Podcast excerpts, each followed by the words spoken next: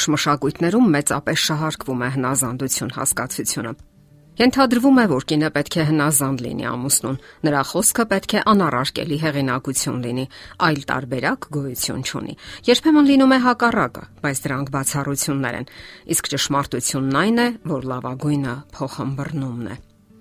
Ասենք որ այս հարցն իսկապես արժանի է, որ երիտասարդները քննարկեն իրենց հարաբերությունների հենց սկզբում։ Պարզեն ինչ է նշանակում հնազանդություն եւ ինչ փոխհմբռնում։ Շատ սխալ եւ նույնիսկ անհեթեթ պատկերացումներ են ձևավորվել կանացի հնազանդության վերաբերյալ։ Գուցե դրանք սկիզբ են առնում հին ազգային ավանդական հայրիշխանական պատկերացումներից։ Ոմանք էլ հենվում են Աստվածաշնչյան որոշ հատվածների սխալ համատեքստից կտրված մեկնաբանությունների վրա։ Որոշ պատկեր պատկերացումներ պարզապես ցածրացնում են մարդկային արժանապատվությունը եւ հնարավորություն չեն տալիս կողմերից մեկին, որը սովորաբար լինում է կինը, զարգացնելու իր հնարավորությունները եւ լիարժեք դրսեւորելու իրեն թե ընտանեկան եւ թե հասարակական կյանքում։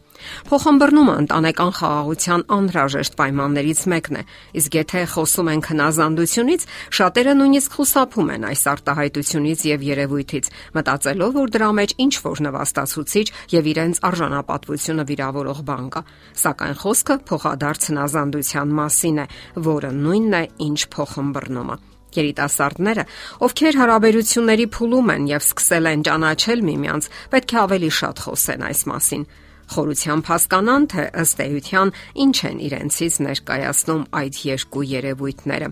որ դա ամենից առաջ փոխադարձ պատասխանատվությունն է եւ ոչ թե մեկին կույր ենթարկվելը կամ հնազանդվելը։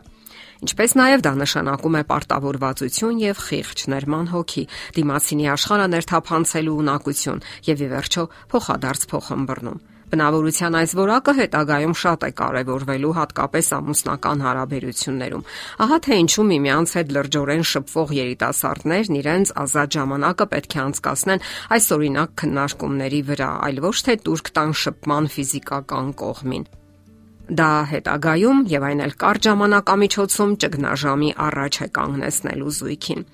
Հնազանդություն նշանակում է ժամանակին լռելու կարողություն, իմաստություն։ իմ հարկավոր է կարողանալ մեղմորեն զիջել, լռել սթափ եւ իրատեսական դիրքորոշում դրսեւորել վեճերի ու տարաձայնությունների ժամանակ իսկ սա երբեք չի նշանակում անմռունչ լռություն եւ դիմացինին լիակատար ազատություն տալու հնարավորություն։ Սա ավելի շուտ նշանակում է փոխադարձ շփում մտքերի ու գաղափարների շուրջ, սեփական կարծիքը ազատորեն արտահայտելու հնարավորություն եւ ցանկացած որոշում ընդունելիս դիմացինի կարծիքն անպայման հաշվի առնելու պարտավորություն։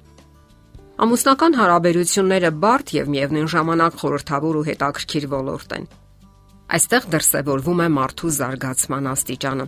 հոգեբանական ու մտավոր բանականության մակարդակը եւ կողմերը պետք է հարգեն միմյանց, որpիսի չլինի ստրկական կախվածություն եւ յուրաքանչյուրն արտահայտի իր դիրքորոշումը, սակայն հարգալից, անկեղծ ու սիրալիր։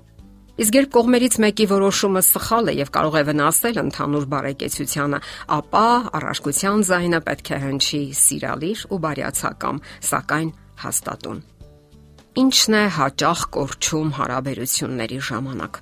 Եթե կինը միշտ համաձայնում է ամուսնու հետ, դա ընդհանրապես անմտություն է եւ ստրկական կախվածություն։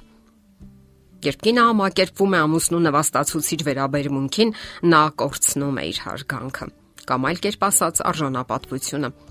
Իսկ որpիսի չկորցնի ինքնահարգանքը, պետք է ձգտի հաստատել իրեն, դրսևորվել թե ընտանեկան եւ թե հասարակական կյանքում, աճի ու զարգանա որպես անհատականություն։